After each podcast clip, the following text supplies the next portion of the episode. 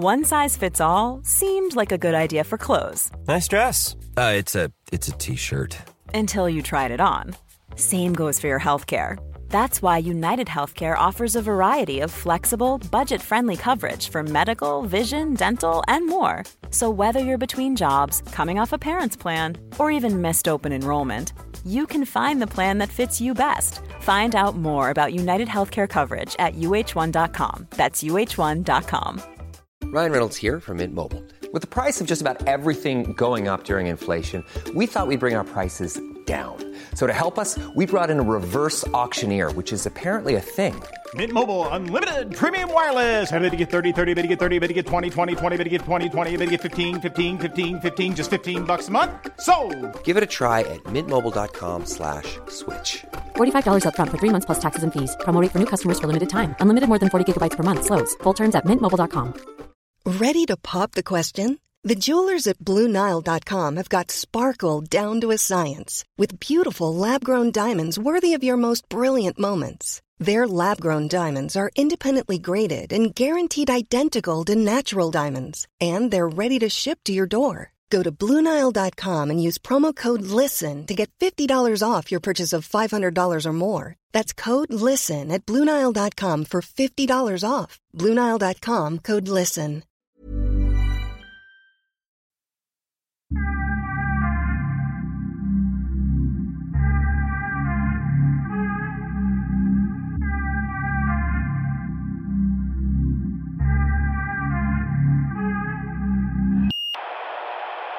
Nej, jag övningskör för lastbil. Lastbil? Aha. Ja. Så ska man lära sig trafikens värdegrund. Ja, Och jag tänker mig så här. Killar som går fordonsprogrammet som snusar och har keps på huvudet och lite truckers, du vet vita träskor och ska skaffa ölmage och köra lastbil. Jag undrar vad de tänker när de läser om trafikens värdegrund. Och... Är det en grej? Ja, Trafikens? ja, du får en bok. Okej, vad, berätta mer. Vad, vad är det för något? Ja, du, vet, du ska ta körkort för bil. Det är precis som du, Ja, jag för förstår. lastbil. Ja. Men vad är det för värdegrund? Det är omtanke om andra och vara försiktig och tänk på Nej. miljön och bla bla bla sådana här saker. Man ska inte road ragea, man ska vara ett föredöme i trafiken. Wait, can you fail this part in the exam? Fel Det skulle förvåna mig inte om det finns en sån fråga på exam, du vet. Ska man också ha så här positiva tankar när man kör? Det vet, nej. Det bästa, ni, alltså det känns som att det är lite pliktskyldigt att de lagt dit det bara för att typ det ska se bra ut. Okej. Utan, men mycket handlar ju om att du ska kunna förutse situationer i trafiken. Right. Så när du passerar vissa ställen, då ska du liksom ha foten på bromspedalen redan, för det kan hända någonting så du snabbt behöver bromsa in.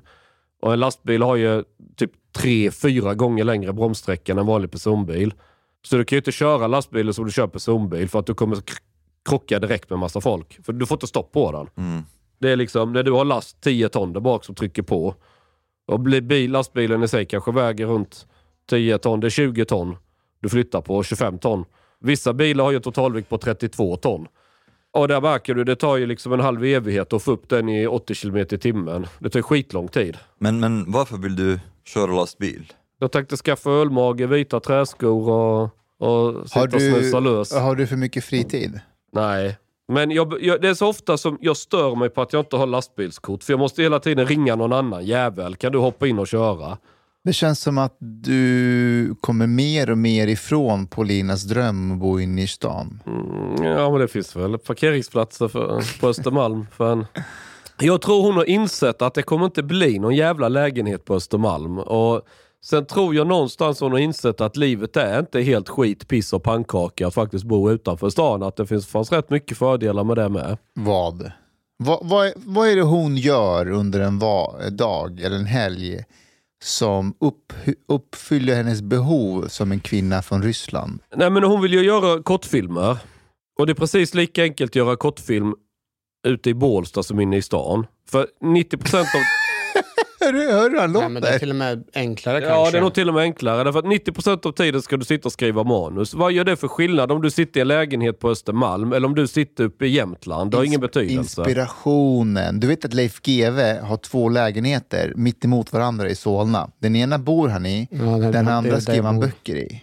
Well, for, for inspiration, usually writers want to be secluded, not to You know. Om, eh, om hon vill eh, hålla på och skriva, göra kortfilmer så kan hon ju flytta till Västra skogen. Det är fan metropol för eh, filmskapande och serieskapande. De har ju en produktionsbolag där och de inspelning hela tiden. Jo men det, flest, det mesta av arbetet sker, det är som när jag höll på med nyheter idag, jag skrev artiklar och sånt. Det kvittade var jag fanns i världen. Det är en dator, tangentbord, hörlur om du ska ringa och intervjua någon över telefon. Ja, men alla är inte som du. Nej men när du gör film, det är samma sak. Alltså, vad, vad är det för film du ska Hur många filmer om du sa location inne i centrala Stockholm och det är där du behöver vara? Alltså, ju- Tvärtom, alltså, det borde ju vara mer, eh, man borde göra mer film om förorten ute på landsbygden. Det är det som är stora problemet. Men är det inte bättre inspiration i Ukraina till exempel? Jo, men hon, eh, hon har sån här idé att hon gillar inte att åka tillbaka till något som påminner om Ryssland eller Sovjet. Det eller... förstår jag fullständigt. Man måste blicka Utan framåt. det, det ska Medan, bara... medan Chang vill åka till saker som påminner Ska, ska hon åka någonstans så ska det vara turistfälla, jättepackat med människor så du knappt kan andas, 45 grader bastuvärme och snordyrt. Då passar det perfekt. Vad heter när vi åkte bil, eh, när vi åkte hem i söndags från Liseberg, då knäckte du den här idén om att du kanske vill lämna Sverige för gott och eh, flytta till eh, Ukraina. Vilken stad var det nu? Odessa är jag Odessa. sugen på. Och det var nästan som att du svor i kyrkan för eh, Polina. Va? Hon vart ju eh, bra Ja, lack. därför att det är klart, skulle man flytta dit så skulle man ju spara pengar. Och tjejers hjärnor är ju, är ju inte programmerade så. Deras hjärnor är att ta din budget och sen hitta på tre gånger mer utgifter än vad du Men det skulle hon kunna göra. could afford. Det skulle hon ju kunna göra i Odessa. Det måste ju vara värsta metropolen. Ja, men det är, mycket ro- det är tydligen mycket roligare att spendera alla pengarna i Luxemburg eller Monaco. Men då måste man ju ha de pengarna också. Men du är ju gift med en ryska. Vad, vad, Är ni vad gifta? förväntar du dig? Nej, vi är inte gifta. Ja, men det spelar ingen roll. De Nej, är, bara, du, du, du, du sa att de Fast var grejen ja, men är de så här är mer eller mindre gifta. Så, men jag kör ju chic-race bara, ja men så, skaffa lägenhet på Östermalm, jag, jag står inte i vägen. Här, gå in på Hemnet, köp en lägenhet. Det finns flera till salu. Men, Varsågod. men, men du, Men Chang, du- kan inte du försöka vara lite mer stöttande mot Polina? Vadå, ska jag, ja, men jag kan, hur då stötta? Du är ju miljonär. Du kan väl ordna en övernattningslägenhet till henne på Östermalm? Som du kan dra på företaget. efterblivna. Det kan du väl? Kan du har ju massor argumentera av i sak istället för att komma med epiteter? Va, va, Säger varför, jag, Lena varför Andersson. ska Varför skulle jag... han göra det? Ja, Du köper inga pengar, du har bara, du har bara två eh, kläder. Du har Adidas-overallen och några Lidl-kläderna. ja. Ja, det är det du lever på. Ja. Du, har, du har inga dyra bilar. Jo. Du, Okej, du, du, Eller dyra, det ska jag inte säga. Alltså, jänken kostar typ ingenting i underhåll. Okej. Chang, don't listen to him. Nej, men nej, vänta, du är inte ute och reser en massa, du har inga dyra va- du, du äter korv med bröd ute. Lägg dem på en lägenhet så din fru får lite tid ifrån dig. No, no, no. Do like follow Trump's uh, advice. The chips. Invest in the chips. Microchips. Nvidia har ju gått spikrakt idag. Yes. 30 percent. Har du investerat i Nvidia, Jo. Omar? Ja. Mustafa, du då? Idag? Nej, jag har haft det ett tag nu. Ja, okej. Ja. Ja, jag, har Nej, jag är inget. fegis, jag kör bara index. Nej, om, om, om jag... Om, om, du måste, om du hamnar i sitsen att du måste betala en massa pengar för att din tjej vill vara med dig, då har du valt fel tjej. Då byter man tjej. Får jag ställa en jättekort Depends on your age I guess. Nej, men alltså, ja men allvarligt. Är det bara pengarna? Det handlar om att ta, gå till Stureplan och ragga upp någon snusgubbe. Han har ännu mer pengar än vad jag har. Hej då, försvinn med dig. Eh, Får jag bara ställa en jättedum fast, fråga? Fast jag har gjort en deal med Paulina. Hon, hon har accepterat att vi inte tar en lägenhet på Östermalm för 27 miljoner i lån. Eh, så det var ju bra ju. Ja. Istället så får hon vadå? Istället, och hon, och hon- och hon har mer och mer börjat vänja sig vid tanken på att man bygger hus och bor som uppe vid, ja, ute på landet, hur jag ska säga. Mm. Ja.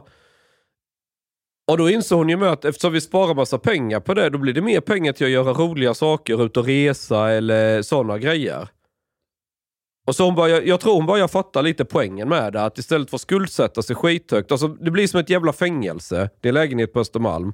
Hur fan ska du ha råd med någonting när räntan går upp? Då, Du- du sitter du fast i It's a samma... super stupid idea to buy like an apartment on Östermalm. Why? Ja, jag håller med. Jag håller med. Det... Varför är det dumt? Det är, det är ju en investering. Nej, Det är klart det är. De som köpte här om året, tror, tror du de får tillbaka sina pengar nu när räntan är, Ja, går nu. upp mot 5%? Nu. Varför tror du folk vill bo i Östermalm då? För att folk måste vilja fortsätta bo där om det ska vara en investering. Varför går folk i skuld för att bo på just Östermalm? Vad är det du får? Status, Fitta. less immigrants. Ja, status. Du får inte less immigrants. Jo. Det är Stureplan, det kryllar ju av folk där på helgerna, på kvällarna. Det The kanske right är, type of Det kanske är immigrant. högklassig immigrant. Ja men man jagar det här. Jo men folk som är statusmedvetna vill göra någon klassresa. För dem så är det ju värsta grejen. Pratar Ja. du om Fredrik Kärrholm nu eller? Jag vet inte om han är, jag känner inte honom. Nej, han han bor på Östermalm. Ja men jag vet inte vad han har för bakgrund. Han kanske alltid har hängt inne i stan. Så att det, jag, jag vet inte, jag känner inte honom. Hur gör östermalmare sina pengar? De eh, hittar på någon white paper, ska utveckla någon app som ingen kommer använda och lyckas resa massa pengar från pensionsfonder. Nej, Så- de bor i Vasastan. Jaha, de bor i Vasastan. Ja. då vet jag inte. Då är det pappas plånbok eller Det är old money. man har ärvt ett företag Right. eller något. Hur länge kommer de vara högst upp? Nej, de förtvinar ju efterhand för de vet ju inte hur man gör pengar. Ja. Jag tror Östermalm kommer vara ett skithål om 50 år. Nej, det tror inte jag. Innerstan inte in- kommer alltid vara attraktiv, vad som än händer. Ja, Nej, so det sure. behöver inte vara, för i USA, i många städer i USA så är innerstan inte särskilt attraktivt. För där, hänger ju, där är ju väldigt hög kriminalitet.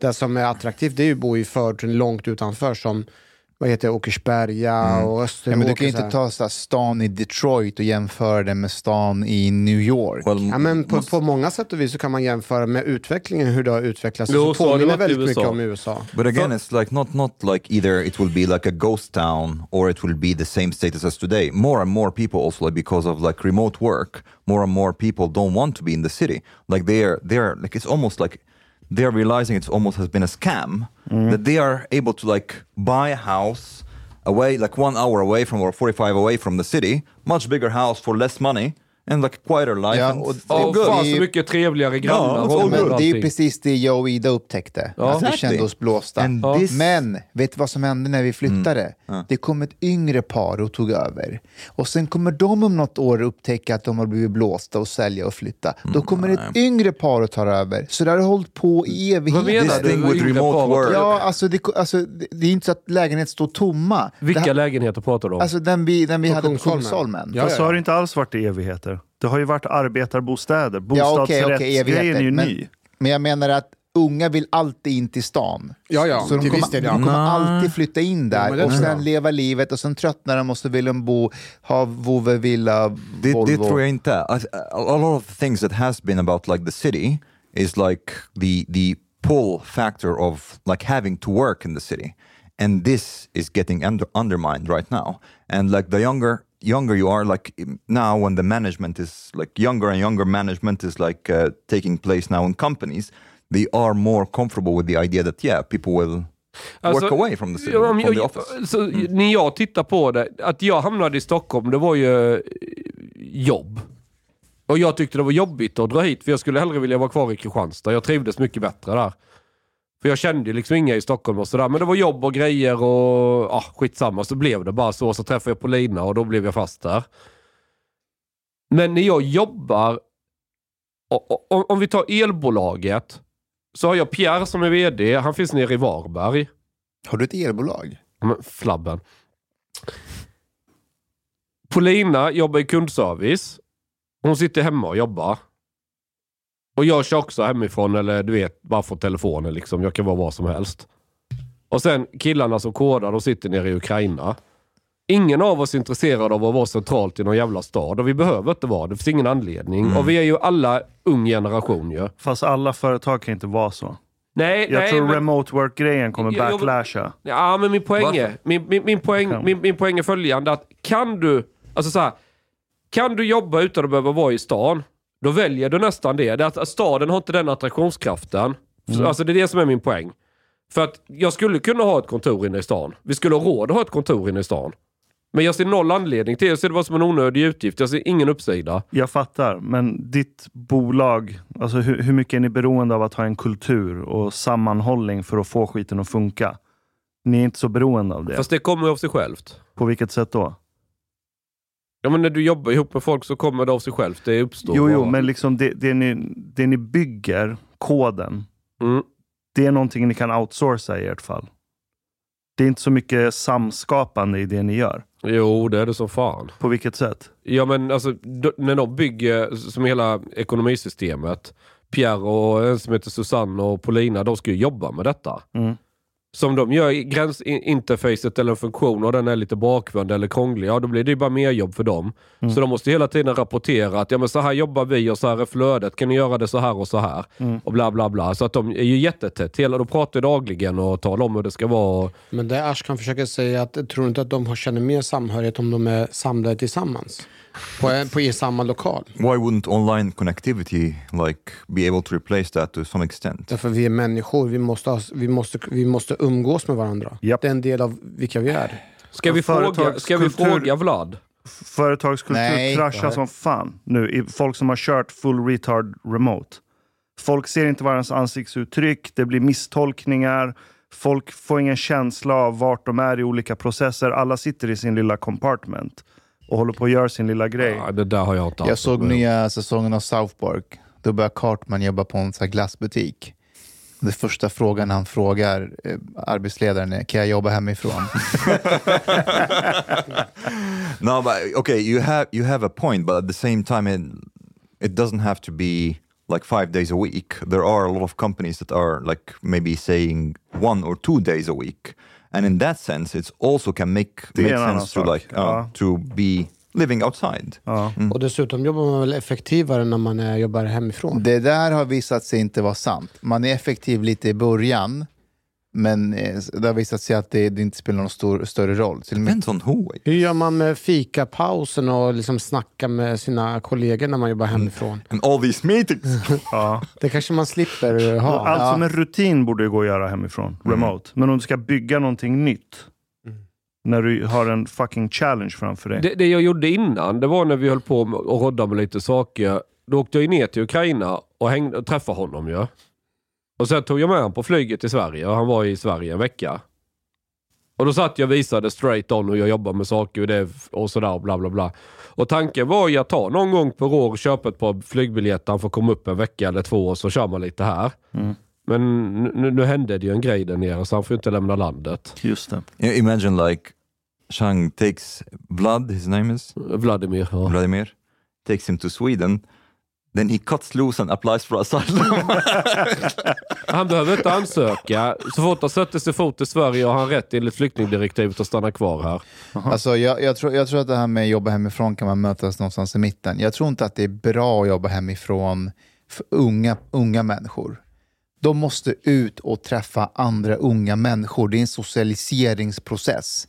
Sen om man kommer i chansålder och har gått igenom det där lite, familjefar och så, ja då kan man börja kanske jobba hemifrån. No, Jag- actually, jag you do have a point. Like, uh, but I don't, I don't know actually if it's restricted to age because there is something important also about like being in a group and working towards something Yeah. together in a group. You can feel like very isolated and it's like life is pointless when you're just like on your own. Alienation. Japp. Och sen en sak till. Eh, Det är också kan uppstå, om du jobbar hemifrån, så kan det uppstå konflikter i hemmet. Framförallt om du är arbetslös polis, sitter hemma och pillar och så den andra ska jobba hemifrån. Det är, det är bäddat för konflikt. Hur, hur, är, hur är det hemma Hanif? Nej, men det är liksom... Om eh, min sambo till exempel är hemma och då ska hon ha möte hela dagen. Alltså jag kan inte ens tänka fritt, jag kan inte spackla i lugn och ro för att hon håller på att ha möten. Hur det är mycket har du skuld på lägenheten? Typ, jag vill inte säga exakt siffror, men mellan, men mellan 1,5 till 2 miljoner. Ja, men det var ju inte så farligt. Nej, det är inte så farligt. Nej, det var ju inte farligt. Men det är ju det är störigt att ha någon hemma. Det är ju skönare att någon drar iväg. Du vet, så fort man är hemma, när någon är hemma, det är bäddat för konflikter. Vet det är mycket bättre att liksom, alltså, man kan få vara själv. Hanif, 5,75 miljoner. Bara som ett exempel. Hypotetiskt här, siffra. Någon sa mellan 1,5 och 2. Så jag fick ju 3000 kvadratmeter tomt med en befintlig byggnad på. Får jag bara ställa en kontrollfråga? Nej, jag har inte Går- utsikt över den där nej, viken. Går, går en elledning precis på din tomt? Nej, inte på. Bredvid. Bredvid, syns den från tomten att det är en stor elledning som går och förstör den vackra vyn? Ja, om du tittar upp i luften. Vilket den alltid gör. Ja, men alltså, jag, jag tänker inte på den. Jag tänker hela tiden, för mig är det väldigt så här rofyllt att du ska ha lång utsikt, det ska inte vara några propeller, inga Nej, vindkraftverk det det eller inte. i- så här kablar. Eh, Annars så tycker jag det är en bra idé som ett fritidshus. alltså jag fattar inte vad bryr sig om en jävla elledning. But, but by the way, I was wasn't the news the other day that like uh, elbolag har kanske fuskat med like manipulated like electricity prices, the same that happened in in uh, Finland. I thought about you right away. I De don't sa know något why. om kärnkraft.se. Ja. Did you not see that? Det har jag nog helt missat. Alltså vadå Mm. manipulera siffror? That they basically, like Vattenfall, for example, is under suspicion for manipulating prices in Finland. Uh, basically, that they are saying that the available electricity is less than what actually is. Aha, det är producenterna som Ja. ja. fittar sig. Det har Ja. ingenting med eh, vi som är elhandlare. Aha. För vi, vi, vi, tar, vi, vi säljer ju bara till det priset som redan är på Nordpol, men vi har inte varit med och förhandla Right. fram okej. priset. Ja. Så det är andra som gör, eller Okay, so indirekt är vi med och gör det. så är det bara Vattenfall i så fall, eller? Här i Sverige? Alltså till exempel, om du tar Vattenfall, Uniper som äger kärnkraft och jag vet inte om Fortum har lite produktion i Sverige och lite andra. Om de går ihop i en smygkartell och kommer överens om att ja, vi ska inte eh, låta mer än, mer än så här mycket produktion vara available. mm, Ja, då dras ju priserna upp. right. Och så kan de hitta på lite saker. Ja, men den turbinen kan inte vi dra igång för vi behöver göra lite service här. Host, host.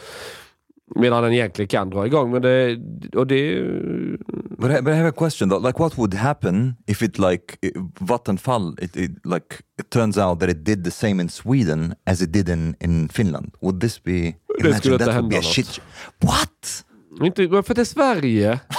Det, det, jo, det skulle vara lite, jo, det skulle bråkas en massa i media och det är för jävligt. Men sossarna skulle spinna att så händer det när man privatiserar och sen skulle de andra säga att det är ett statligt bolag. Men det, sosseväljare är så dumma så de fattar inte det. Så de, ja du vet, och så, och så slutar det där och ingenting kommer liksom förändras i verkligheten. Det är Sverige. Vi vad annat har förändrats och varit uppmärksammats i media. Körskoleläraren berättade en rolig sak. När det var uppkörning, hon hade någon elev, någon tjej så här lite fjortisaktig. Så hade hon sagt till den här, vad heter det, uppkörarkontrollanten eller vad- det är ju inte, det är inte trafikskolan som godkänner dem utan det är någon från staten. Så hade hon börjat sen, ja, ah, jag, jag har lite svårt att skilja på höger och vänster så om du kan peka gärna när- åt vilket håll du vill jag ska svänga så blir det Skojare. lite enklare. Skojare. Ja, nej, nej, nej, sagt. Då hade hon direkt sagt, men då kan du ju inte högerregeln. Jo, jo, det, är- jo, jag vet hur det är. Ja, men om du inte kan skilja på höger eller vänster, fan kan du följa högerregeln då? Ja, du vet direkt börja hugga, du vet, så hon blir ju failad direkt. Är hon dyslektiker? För vissa dyslektiker kan inte lära sig höger och vänster. Ingen, jag tror det var lathet. Det, Det lät räck- så. Det räcker med att kunna komma ihåg att man hälsar med höger hand. Var hon asiat? It's that time of the year. Your vacation is coming up. You can already hear the beach waves, feel the warm breeze, relax, and think about work. You really, really want it all to work out while you're away. Monday.com gives you and the team that peace of mind. When all work is on one platform and everyone's in sync, things just flow wherever you are. Tap the banner to go to Monday.com. Many of us have those stubborn pounds that seem impossible to lose, no matter how good we eat or how hard we work out. My solution is PlushCare. PlushCare is a leading telehealth provider with doctors who are there for you day and night to partner with you in your weight loss journey. They can prescribe FDA-approved weight loss medications like Wagovi and Zepbound for those who qualify. Plus, they accept most insurance plans. To get started, visit plushcare.com slash weight loss. That's plushcare.com slash weight loss. Ja, jag var, De är dåliga på att köra bil.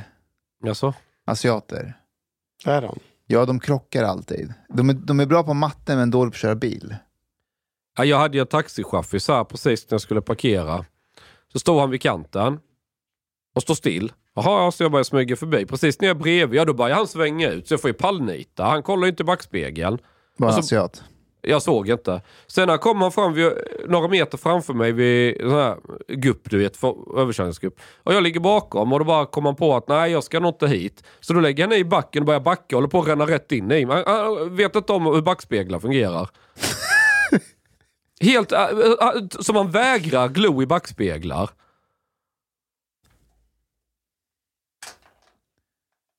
Sen A-traktorer med EPA-traktorer.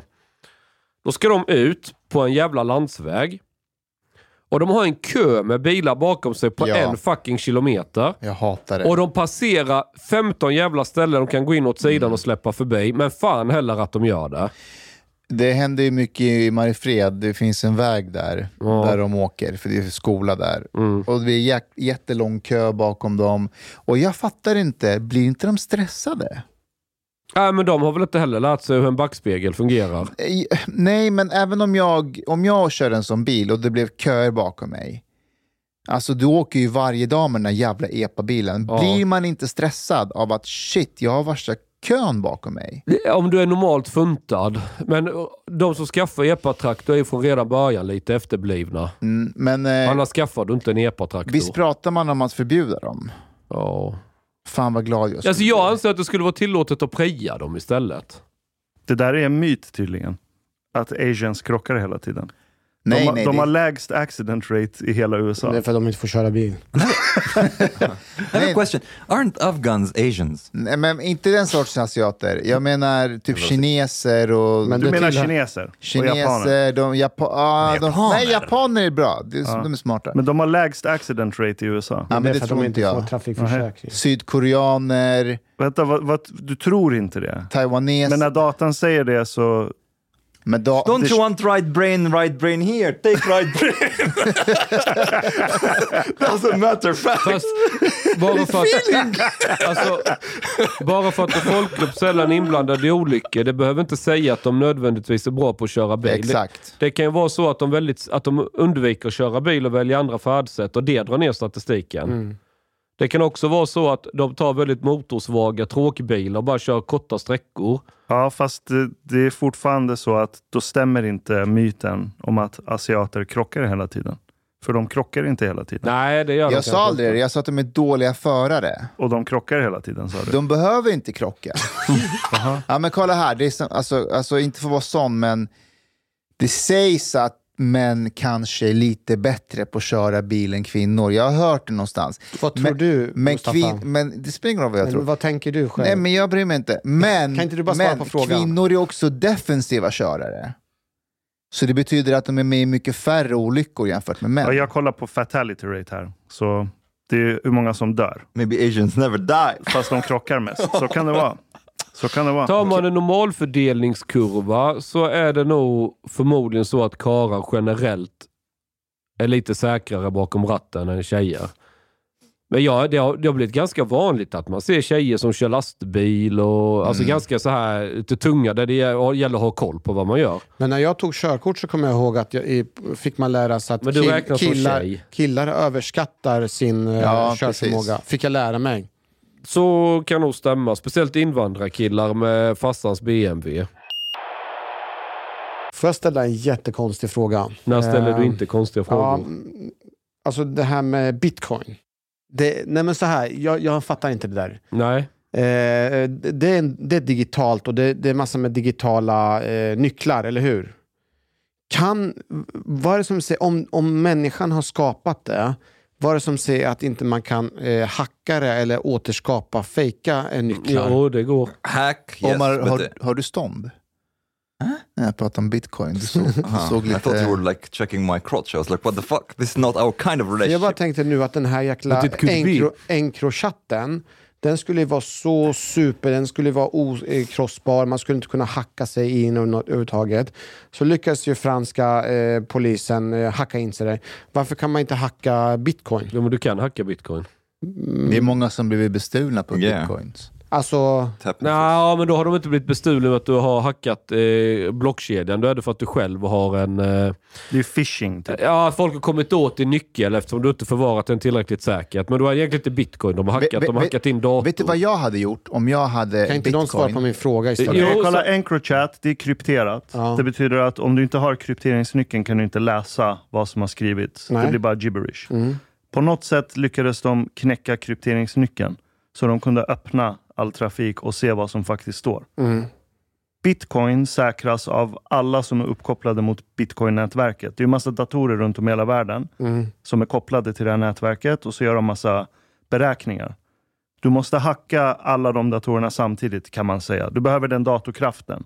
För att... Ja, du, plus en dator till. Du måste alltid ha lite exakt. mer. Ja, exakt. 51 procent Ja. attack kallas det. Kan, kan, inte, kan man inte, jag bara hittar på nu, men kan man inte kopiera, alltså kan man inte ha någon så här grej som kop, alltså genererar så här bitcoin-nycklar? Nej, för då kommer nätverket inte acceptera... Eller vadå generera bitcoin-nycklar? Nej, men om jag har förstått det rätt så har man bitcoin, eh, man har digitala bitcoin. Ja. Eh, kan man inte liksom producera, generera sådana... Eh, Du menar nyckel till någon annans wallet? ja. För att ta, för att ta, grejen är att om du, även om du har världens superdator så kommer det ta väldigt lång tid innan du hittat nyckeln. Till slut gör du det. Varför tar det så lång tid? Därför att, eh, så här.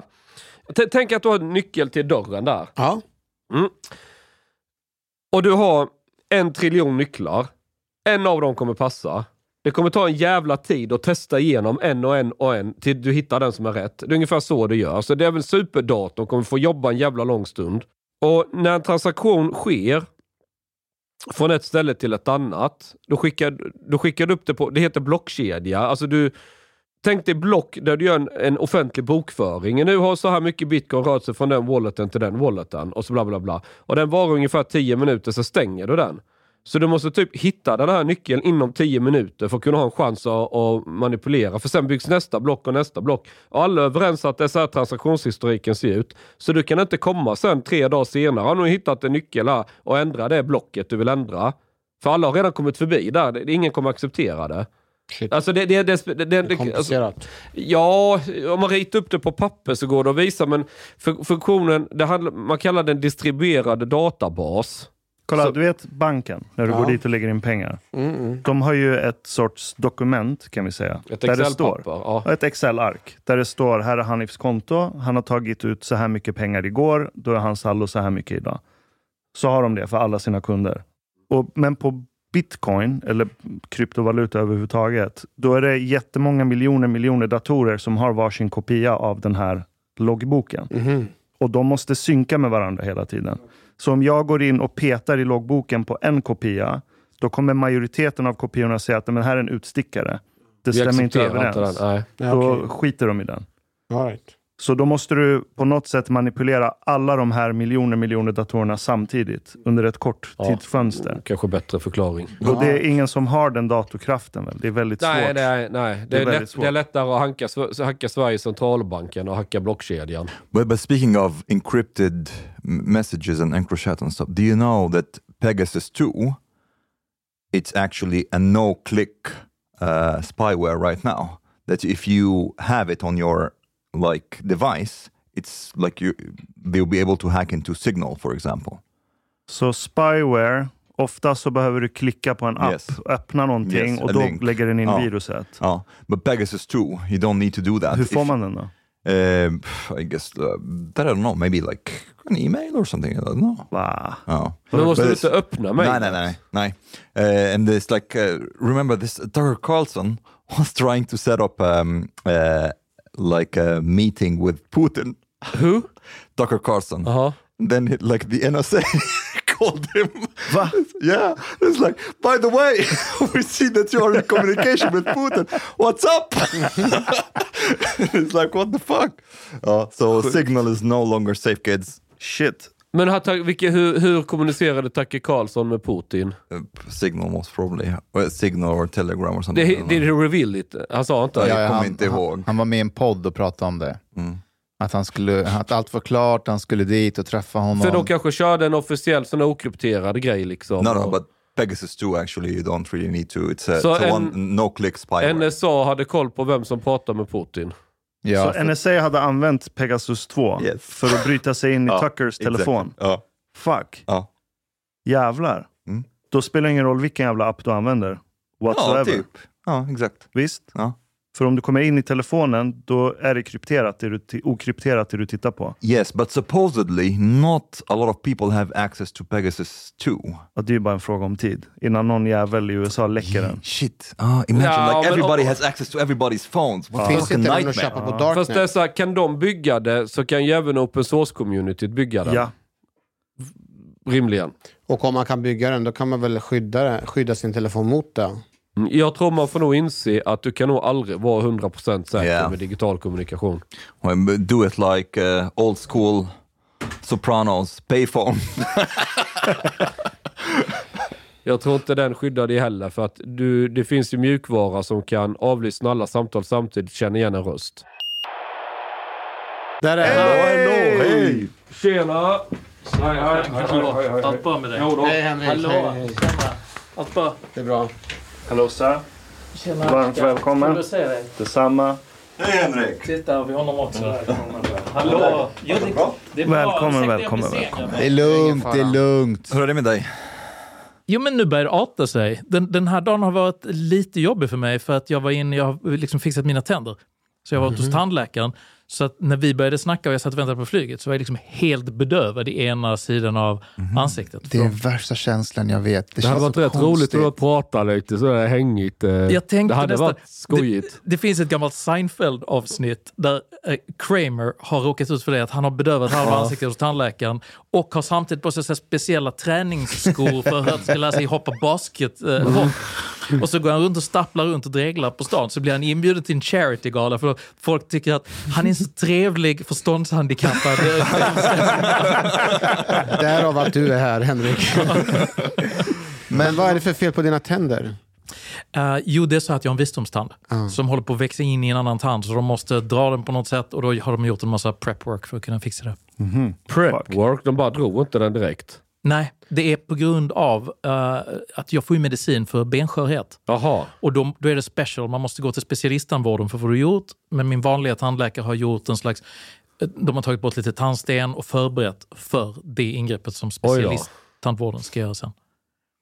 Och det, det hänger ihop med att när man, jag får en slags medicin som, jag tror den heter typ eh, bifosfonat Jaha. som är ett slags klister för skelettet. Det pumpar man in i kroppen. Men då är det så att om man drar ut tänder och grejer som påverkar skelettet så kan det leda till komplikationer ibland. Så därför håller, har de lite Men extra det, fina... det motverkar benskörheten.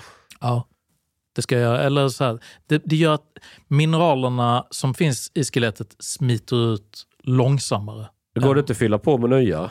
Nej, det verkar inte riktigt så. Nej. För att eh, skelettet byggs upp när man är eh, ganska liten. Typ när Ja. du är tio år så har du redan dunkat in alla mineralerna du ska ha. Så att, Men då är ju skelettet långt ifrån färdigt. ja. Men eh, så är det i alla fall. Men kan man inte byta ut hela skelettet då? Skeletttransplantation. Ja, det borde väl gå. Det hade ju varit helt grymt om man kunde göra det och kanske byta ut det mot ett mer elastiskt material som har rätt hög hållfasthet. Så att typ vid hög belastning så kan man ändå böja saker. Men då, då ska du jobba på domstol, du måste ha ett titanskelett. or, or you go full Wolverine, adamantium. Just det. You'd be like unbreakable. Mm. Nej, Fast jag vill inte ha några grejer som går klor. Vill du inte det? Nej, verkligen inte. Why not? Det är ju ett värsta partytricket ju. Då kan du ju sabrera champagne med klorna. Bara dra till Jag kan, lite. ju tänka hur det skulle se som folk började ha den typen av grejer på fyllan. Så här. Vad det skulle bli. Han får ju väldigt ont Wolverine varje gång han drar ut dem. Shit, or in bed for example. Ja. That's also would be not very fun. Jag, jag, jag gillar det. Jag tycker det är en rätt poetisk del av Wolverines superkraft. Att det är förenat med ganska stor smärta för honom att Det är Shia. använda. Shia X-Men. Ja, eller- Inspirerad av persiska kungariket. Ja, men- De det här, det här är en teori som jag har liksom, jag snackade med Hanif Bali om för, för ett tag sedan. Liksom. För att det du tar upp här är ju då Shia. Anledningen till att våra kulturer förstår varandra så bra är att vi är alla ångestdrivna kulturer. Japp. Alla ni liksom Yes. elit-iranier man känner som är achievers drivs av ångest. Vi lutheraner drivs också av ångest. Yes. Eh, Våra judiska kompisar Aron Flammare drivs av ångest. Yes. Därför när vi sitter runt samma bord, "Ja, jag förstår det, du har också ångest. Har, har, har, ju- har judar ju ångest, det vet jag, men har romer ångest? Nej. Ja, om de inte stjäl tillräckligt så kanske de känner att de var dåliga. Ja, fan. Jag undrar om man kan få en fin korrelation mellan hur mycket ångest din kultur genererar och hur mycket pengar, eller BNP, för det landet. Man borde se, katoliker har väl mindre ångest än lutheraner? Det skulle jag de kan tro bli att de har. Jag vet inte om det finns några liksom riktiga hårda siffror på det.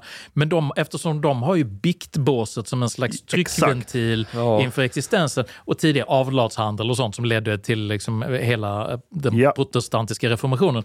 Men, men som lutheran, som jag är, pro protestant, så har du ju, din existentiella paradigm är ju Gud ser allt, dömer dig, men är tyst ända tills du dör.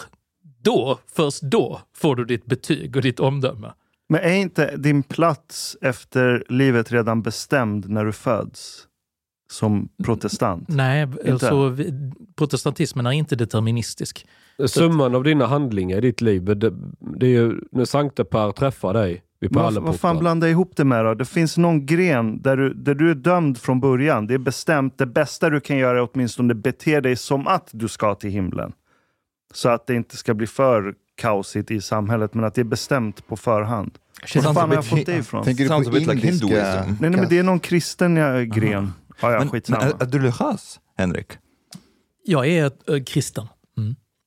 Troende kristen eller kulturell? Ja, men, men alltså, jag är inte så big time kristen så att jag liksom springer på högmässor och sånt hela tiden. Han safear sig lite för ifall Gud finns så han inte hamnar i helvetet. No, but, but, Nej, inte alls. Alltså det, det, för min del är det på real deal. Jag har ett riktigt existentiellt, liksom, äh, spirituellt engagemang fan. i, i livet. Aha. Ja, ab- So, absolut. so, so you like really believe in like uh, God in this, how to say, more conventional sense, heaven and hell as an actual places that one can go to and, and so on after death? Nej, nej, inte- inte- det. Du är mer en mystiker, typ som en sufi-muslim. Ja, fast du är en sufi-kristen. Det, det, vet du vad, det är nästan exakt. Alltså, jag, jag håller mig fortfarande lite grann till eh, Gurdjieffs doktrin som jag studerade eh, när jag bodde i London Mm. i ganska många år. Och Gurdjieff utövade en form av esoterisk kristendom som är en del av gnosticismen i princip. Men den har också många paralleller med sufism och eh, en del sånt där jox. Men i grund och botten så är det kristen. Jag tycker om den kristna kulturtraditionen och har därför inte sett att jag behöver göra en sån här exoticistisk resa som eh, liksom ångestladdade, eh, privilegierade vita västerländska eh, killar och tjejer gör i medelåldern. Så nej, men jag åkte till Goa och lärde mig yoga för jag måste komma i kontakt med min jävla chakra eller någonting. Utan jag bara, nej nej, jag, jag har fått det här av mina föräldrar och min släkt och min tradition. Det är ett bra existentiellt ramverk. Det kan funka som ett verktyg för mig när jag jobbar med att förstå mig själv och världen. But do you believe like in concept like sin and like atonement and uh, things that are like forbidden by God and things that are allowed and, and all that? Eller? Ja, jag, jag uppfattar snarare att materialet som finns i Bibeln eh, tjänar som um, guide till hur du kan undvika att få väldigt mycket jobbiga situationer i ditt liv. Jag ser det inte som att det finns ett, ett hårt förbud som säger att du får inte göra det här för det finns någon slags objektiv synd mot universum. Däremot uh, så tror jag att det finns uh, tips som är så här att, vet du vad? Det blir rörigt för dig själv om du har eh, Liksom, om, om du går emot vissa av de här grejerna och har begärelse till din nästas hustru till exempel. Det skapar ofta en massa konflikt mellan dig och din polare. Så att, eh, gör inte det. det, det Men om han inte vet? It's a bit like a touch of Jordan Peterson. Ja, men jag, jag, jag tror att det är, det är ju lite mörkt att, att bedra sin polare och ligga med hans fru. Ja, det, men, det tycker inte jag man är det kristendomen som också säger att den som inte vet har inte...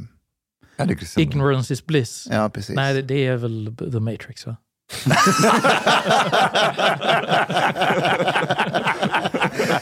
Okej. Okej. Men eh, får jag fråga dig, de här tio budorden som är ändå väldigt ehm, viktiga och sådär.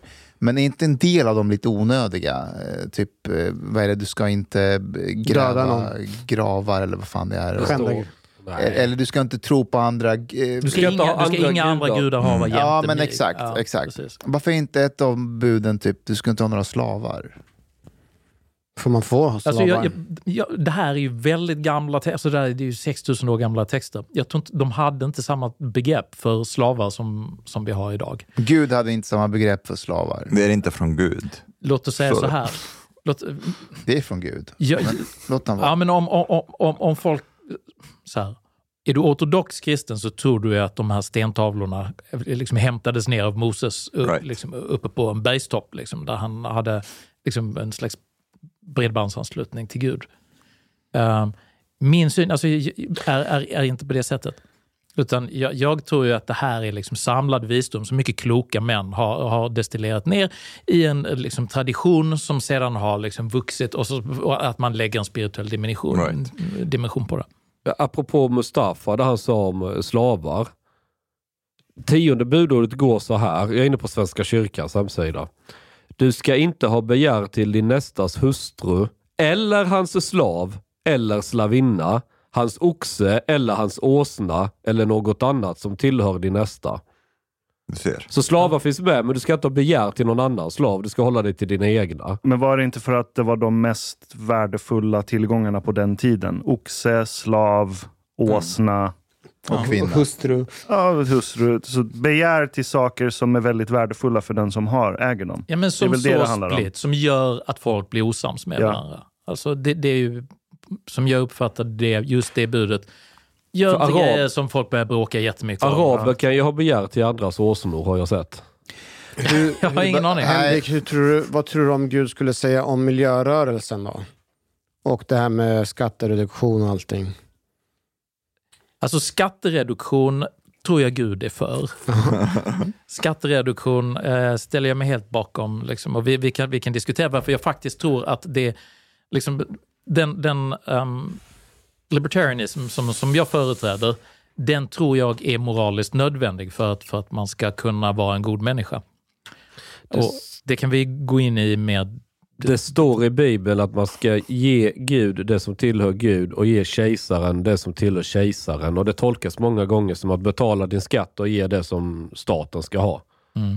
Men, Eh, men det tionde budordet det är jävligt spännande tycker jag. För att den handlar ju om begär. Och om det är någonting monoteistiska religioner listade ut och löste på många sätt. Det är att det är begär som gör att samhällen till slut krackelerar. När folk tävlar om samma saker, då står det split mellan folk och så blir det konflikter och så blir det inbördeskrig. men det är väl det som bygger samhällen med.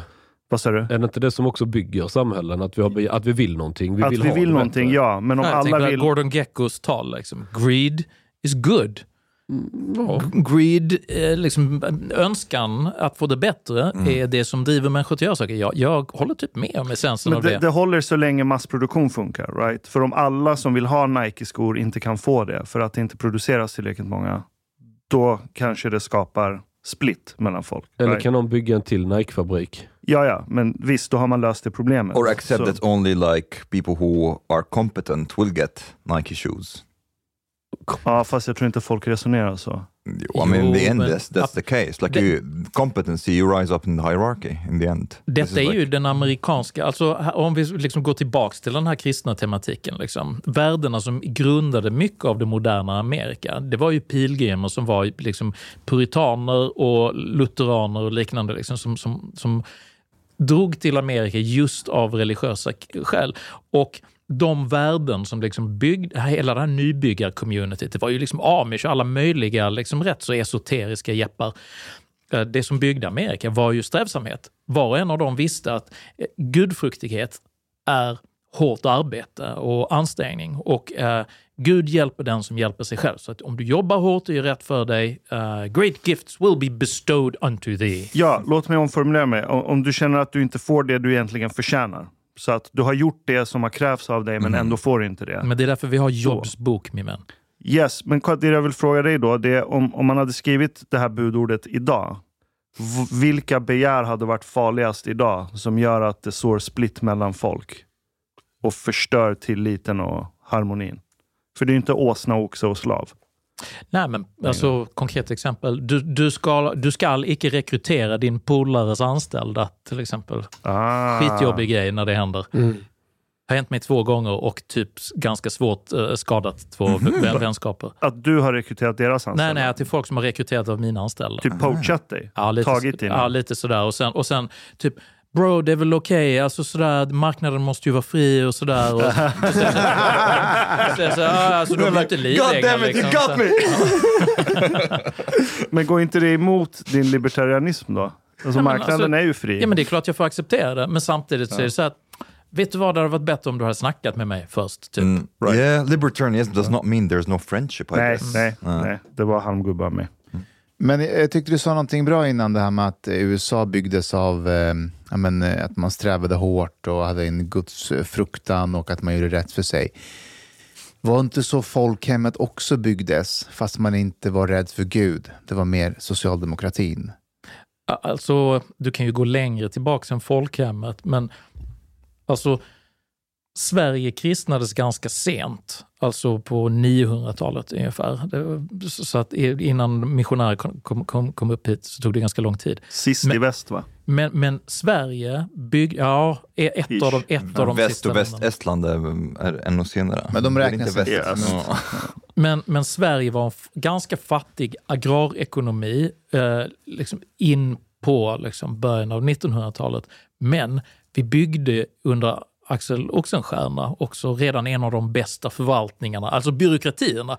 Vi var duktiga på byråkrati redan på 1600-talet, vilket hänger ihop med att den, den här, här- gör jag ju då en, en form av liksom, vad man säga, knasig eh, klimatlära, men jag, jag tror att folk behövde arbeta tillsammans hårt i det här landet för att det här är kallt hela vintrarna. Om folk inte hade bra teamwork på gårdarna så klarar de sig inte. När du sedan fick ett lager av liksom, statsförvaltning uppe på det där så eh, parat då med liksom, lutheransk kristendom, eller i, i första vevan liksom, en, en form av ora et labora attityd. Då, då fick vi eh, en cocktail här uppe i norr av strävsam kristendom, av eh, behov av hög tillit och samarbete som gjorde att svenska, den svenska kulturen har varit väldigt eh, strävsam och hårt arbetande i många, många hundra år. Så det är tack vare klimat, det brutala klimatet, inte jag- trots. Nej, jag, jag tror att det har spelat in eftersom så if you fuck up när eh, marken är frusen halva året så dör du och hela din gård.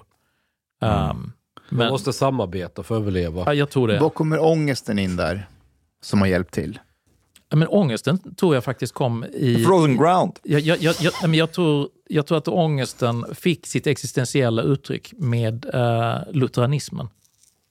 Eftersom just, just Luther ålägger ju människan att du måste arbeta för att göra dig förtjänt av Guds kärlek. Och, eh, Arbete i frihet. Ja, man ska, så den slogan är ju, vad ska man säga, ett toxiskt var- varumärke. men, men, Det kan man säga. Ja, vi ska komba den här liksom lutheranska arbetet med eh, den libertarianska budskapet. Då får vi arbete i frihet. Men anledningen till att jag vill mena att det är viktigt med de frihetliga värdena, det är så här. Utan rätten att vara fri så får du som människa inte chansen att verkligen pröva dig fram till dina egna moraliska slutsatser. Om du har ett samhälle som är väldigt hårt liksom, styrt av rent moraliskt normativt, säg Saudiarabien eller någonting liknande, Vi kan ta Sverige också. Jo, men på ett, på ett sätt, men ändå inte på ett annat sätt. Kolla, poängen jag försöker göra det är att Bibeln säger att du, du ska, du ska liksom vara den, en, en barmhärtig uh, samarier. Och liksom, liksom, ser du någon som ligger i ett dike liksom, så, så, så, så är, du menad att du ska gå fram och hjälpa till. Liksom, kolla hur, hur är det med dig. Om du lever i ett samhälle där du har väldigt starka moraliska regler för hur man ska bete sig, um, så är det då fråntas du möjligheten att själv komma fram till att det är så här jag vill agera. And then in the end you don't save like uh, girls in schools from burning buildings. Ja, det är väl att spetsa till det, men, men säg att om, det ligger, om, om jag var ute och gick på stan här på väg till er och så ligger det en snubbe på gatan här utanför. Jag, jag vill tänka att eftersom jag arbetar med min egen moral, att jag hade stannat. Om ingen annan hade gjort så, så hade jag stannat. Okej, det är någon, alltså, måste vi ringa en ambulans eller vad är det som har hänt? Men det finns en risk. De har ju gjort sådana här experiment där de har låtit en skådis göra det i rusningstrafik och det är väldigt många som bara springer förbi, de har bortom de andra att göra. Liksom då. Under förevändning när man frågar de människor som, som gick förbi så, tänk, så är ofta svaret att ja, men jag utgick från att liksom, det är väl en ambulans på väg. Någon har, väl, någon har väl tagit hand om det här. Och Det är ju då en moralisk fara med att du har liksom ett, ett väldigt högt uppstyrt moraliskt välfärdssystem. För att folk tänker att jag betalar ju asmycket skatt. Jag behöver väl inte göra det här. Så att på det sättet betraktar jag skattesystemet i välfärdsstaten lite som en slags modern form av avlatsbrev.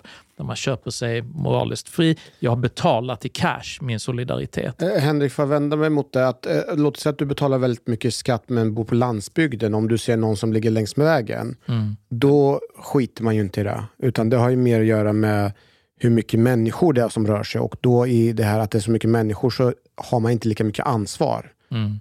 Är det inte mer det som ligger i grunden? Just i den konkreta jämförelsen. ab- absolut, i det konkreta Ja. exemplet såklart det spelar in liksom, om det är hundratals människor eller om det är en. Men jag, jag försöker göra en annan Ja, moralisk poäng som huvudsakligen handlar om att jag tror på riktigt att det är viktigt att man måste få lov att pröva sin egen moral. Jag ska ge ett annat exempel. Det är så här. ehm, de gjorde research på post traumatic stress disorder på killar som, i USA som kom hem från Vietnam. Och kom fram då till att majoriteten av de här trauma inte hade att göra med att de hade sett sina polare bli ihjälskjutna eller sprängda eller andra hemska grejer. Majoriteten av de, de djupa posttraumatiska eh, problemen kom ifrån att de själva hade gjort saker som var så groteska att det inte var, det gick inte att förena det med den personlighet som de hade när de kom hem till Kentucky igen. Du får tänka dig liksom att här skickar du ut liksom kanske en 20-21-årig ung grabb med inte mycket erfarenhet som plötsligt då befinner sig i ett ställe som är praktiskt taget laglöst. Och some weird shit went down in Vietnam. Det var folk som gjorde grejer där som får typ Apocalypse Now och verkar som en dokumentärfilm ungefär. But some dark shit always falls then, like it takes place in wars. Jo, jo, uh, alltså, det, det är inte det som är min poäng. Utan om du har levt i ett samhälle där det finns starka normer och regler som alla följer, så har du inte prövat att utveckla dina egna individuella moraliska muskler. Så när du plötsligt är på ett ställe där det inte finns en tydlig stat eller en tydlig liksom, eh, grupp människor som ser till att hålla dig inom moralens gränser, så är det ganska många som går off-kilter och kanske börjar bara våldta tjejer och allt but but to, to, to play devil's advocate a little bit, like you do have a point in this, but at the same time, there's also like I come from a society where there is no social welfare, and, and, and if you are a weak person or vulnerable or whatever, you are left at the mercy of the help of others, which doesn't always come. Hmm. You know what I mean? So it can also there can be a point, pragmatically speaking, or it, even utilitarian, hmm. that you basically have a system that takes care of people, regardless of whether they're like medmänniskor vill hjälpa till eller inte. Och vet du, ja, du har rätt. Och det vi, det vi kommer fram till här det är att det är mycket svåra etiska och ideologiska gränsdragningar. Mm. Det är en fråga om hur, hur, hur mycket ska vi eh, låta staten påverka individens liv? Och det, det har jag inga svar på heller. Men jag, jag, jag, jag vet att i det här landet så har vi för mycket stat och för lite individ. Så därför företräder jag den sidan. Men du, för ett av dina råd i den här boken, Bli fri, är att man ska byta kontext. Ja. Ja, och du tar ett exempel med när du är på en ranch med någon amerikan som säljer eh, avokados. Ja, och, John. Precis, och du frågar honom, eh, har du något tillstånd? Du kan väl inte sälja hur som helst? Och han är så här, va? Nej, Ja. jag säljer, det är, det är min ranch. Ja. Tror du att svenskar skulle ha nytta av en sån kontext? För tänk, så här, skulle inte din mardröm vara att, att, att många svenskar bytte en sån kontext och bara blev livrädda och ville tillbaka till det svenska? Med bla- blanketter till staten. Ja, för att man trivs mer i det här. Men nej, det är väl ingen mardröm. Alltså var och en måste ju göra sitt eget livs resa. Men eh, min förhoppning är ju att, alltså det jag, anledningen till att den där boken heter Bli fri, det är just att den är inriktad bara, det säger jag i början, den, är, den riktar sig till personer som är intresserade av sin egen frihet och att utveckla den. Och om det är så att du gör vissa av de här sakerna och upptäcker att det här var ju inte för mig. Jag gillar inte att vara så fri. Fine, då vet du ju det. Alltså, och en majoritet av människor är kollektivister. Det är alltid en mindre del. Jag som- skulle säga att jag har precis följt det här rådet, för jag har jobbat inom polisen i 11 år Mm. och nu har jag liksom bytt kontext och umgås bland annat med Chang. Och jag, på riktigt. Men du är Och- fortfarande polis väl? Ja, Jag är tjänstledig just nu, så jag ändrar kontext och umgås med Chang med allt vad det innebär och prövar nya grejer. Men, och, men, vänta, du, har du bytt ett helt yrkesliv mot att umgås med Chang? Eller liksom i podd, Har du tid? Vad är det? Jag, liksom, har du Ungefär flyttat så. in hos Chang? Eller? Nej, men vi umgås ihop och jag, liksom, jag umgås med dels Chang, med Ashkan och Omar och Mustafa. Och vad är skillnaden då? Eh, och det blir ju att man frågasätter saker och ting på ett helt annat sätt. Och eh, till exempel, vi frågasätter alla tankar och idéer, allting som har inom politiken. Medan jag uppfattar att när man tillhörde polisen eller var med kollegorna i polisen, man frågasatte inte utan man bara liksom utgick ifrån det någon säger är korrekt och sant. Eh, man prövar sig inte fram helt enkelt. Så på så sätt skulle jag säga den här principen och håller jag på med just nu. Och jag ska utvärdera och se ifall jag ska tillbaka till polisen eller inte. Och, och då, då blir det ju också som en slags utvärdering av hur det är att, att hänga med Chang. Ja. För att gå tillbaka till polisen, att det, det här, den här Bålsta-grejen höll inte alls. Men jag tänker om, om du säger så här, om du kommer med sju principer på hur man ska bli fri och oberoende. Ja. Och jag är lite elak om jag säger att de som inte följer de här principerna, de är inte fria och oberoende. Det säger jag inte alls. Det där är bara eh, mina tips. Om det är folk som undrar. Eh, jag försökte, det där är ju eh, typ, jag har haft, de har haft en självbiografisk bok. Jag försökte koka ner det som har varit mina origin stories.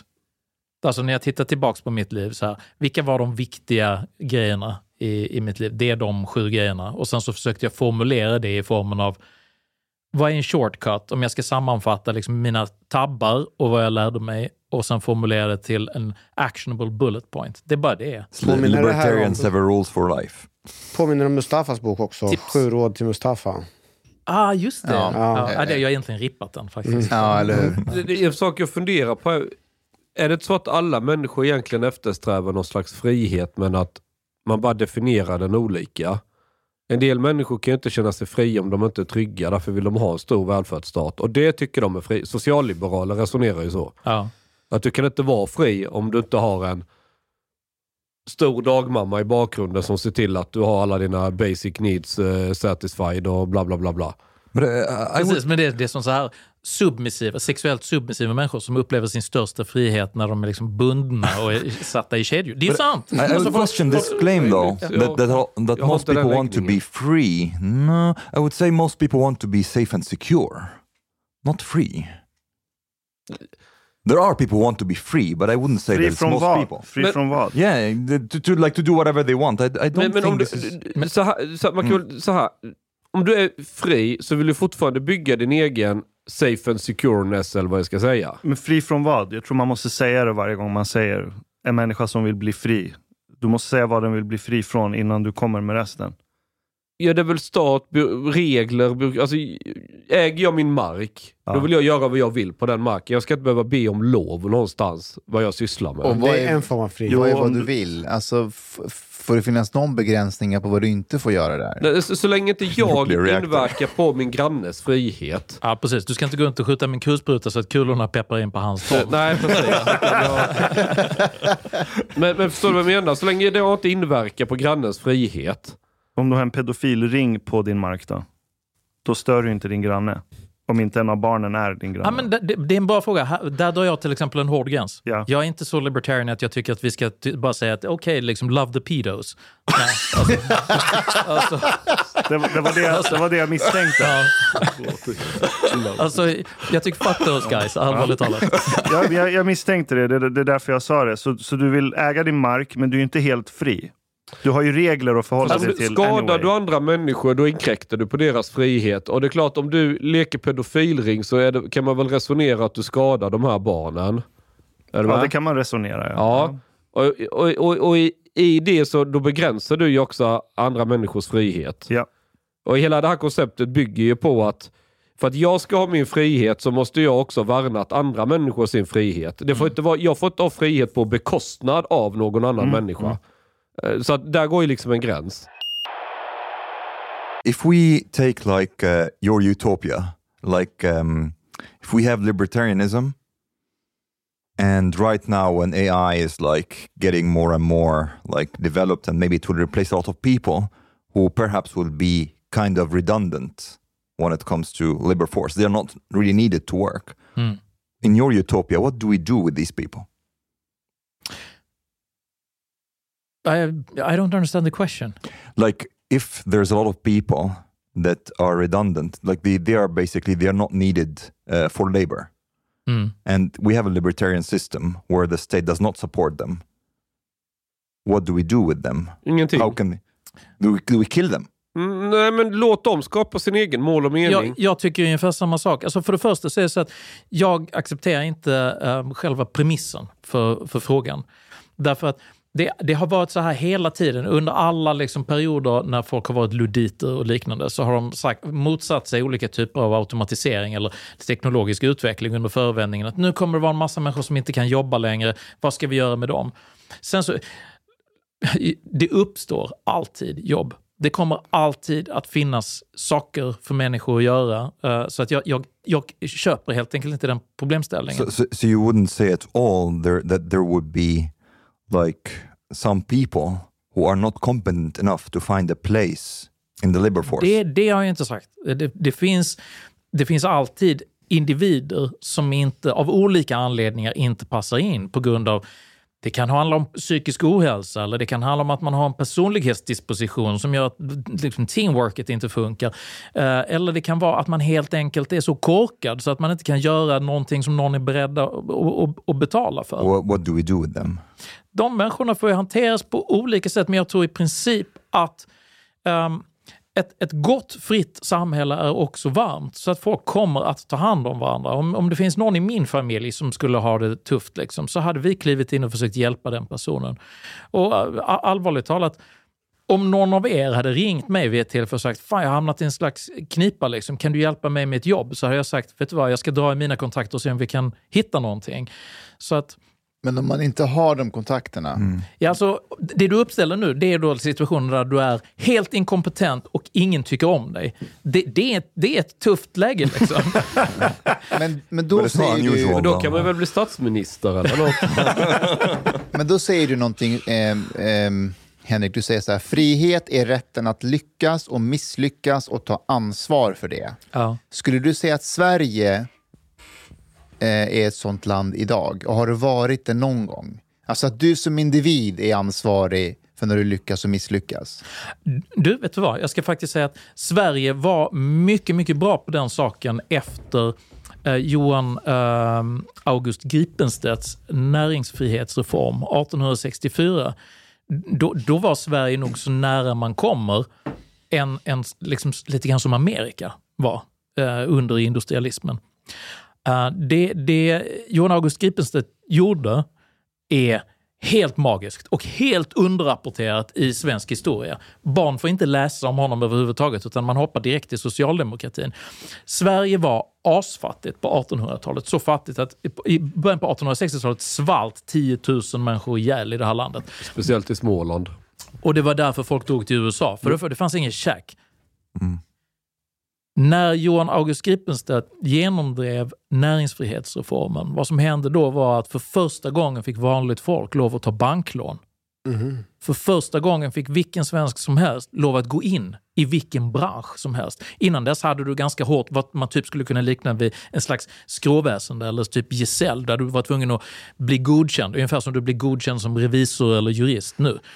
Men för första gången så fick svenskar lov att starta sin egen lokala business och även bli betrodda med kredit hos bankerna. Om bankerna trodde på deras grej. Eh, svenska fiskare fick lov att sälja sin fisk till eh, baltstaterna. Innan hade den svenska eh, liksom, penningpolitiken utgått från föreställningen att om vi tillåter oreglerad internationell handel kommer allt kapital att flöda ut ur Sverige och sen så kommer statsfinanserna att kollapsa. Gripenstedt gjorde upp med det här i liksom marknadsliberal anda och menade att det här kommer att göra oss rikare. Och på decennierna från 1864 när, när de här nya reglerna började implementeras fram till 40, 50, 60 år senare, en bit in i början på 1900-talet, exploderade Sverige i produktivitet. Vi skapade liksom företag som fortfarande står för en stor del av de svenska näringslivets del av intäkterna till, till den svenska statskassan.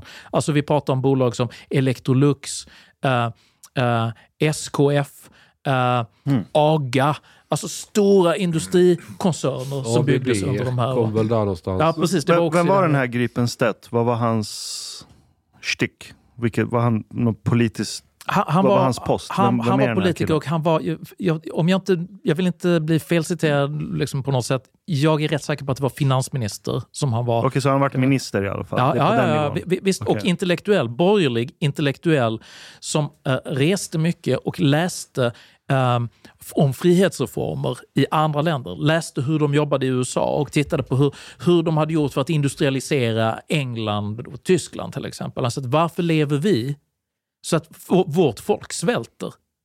Det är svårt att tänka på det idag.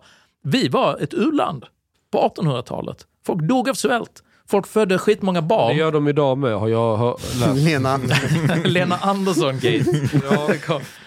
Jo, men jag, alltså, jag, Och där kan vi ju bara, faktiskt bara säga att nej, så är det inte. Det är inte han på det sättet längre. Det är, det, det är ingen som svälter till döds. Vet, vet du vad folk kokade sina skärp ja, just på det. Och 1800-talet för att få lite näring ja. ur eh, liksom lädret. Ja, det-. Alltså, och det är ingen det, liksom, indignerad Aftonbladets kulturjournalist Det finns ju till och som får skriva en krönika.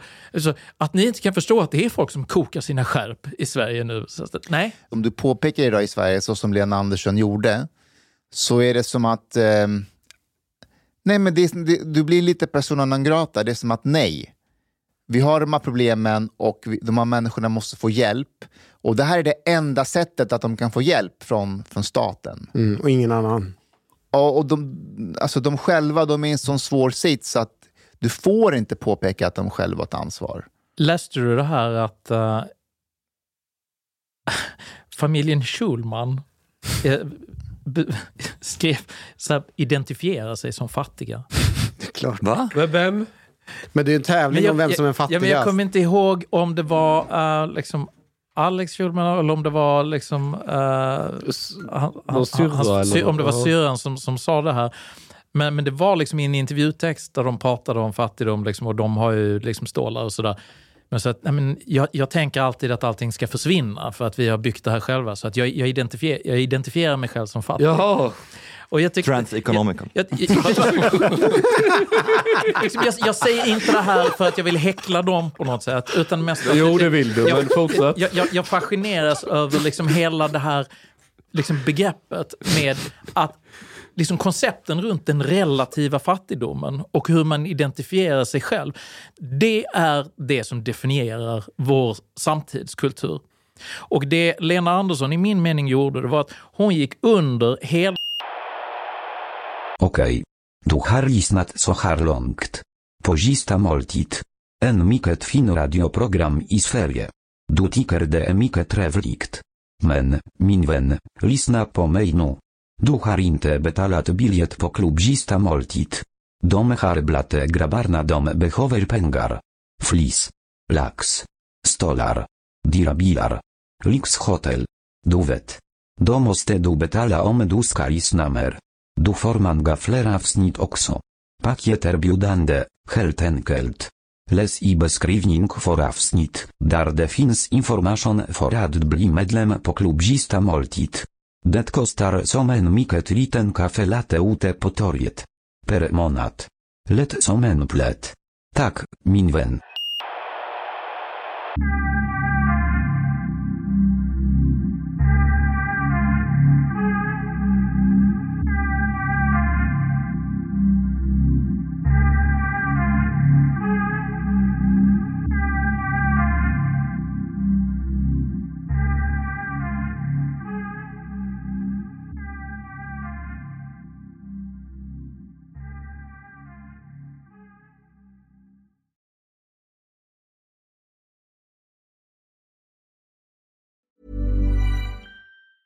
Planning for your next trip? Elevate your travel style with Quince. Quince has all the jet setting essentials you'll want for your next getaway, like European linen, premium luggage options, buttery soft Italian leather bags, and so much more. And it's all priced at 50 to 80% less than similar brands. Plus, Quince only works with factories that use safe and ethical manufacturing practices. Pack your bags with high-quality essentials you'll be wearing for vacations to come with Quince. Go to quince.com slash trip for free shipping and 365-day returns. Planning for your next trip?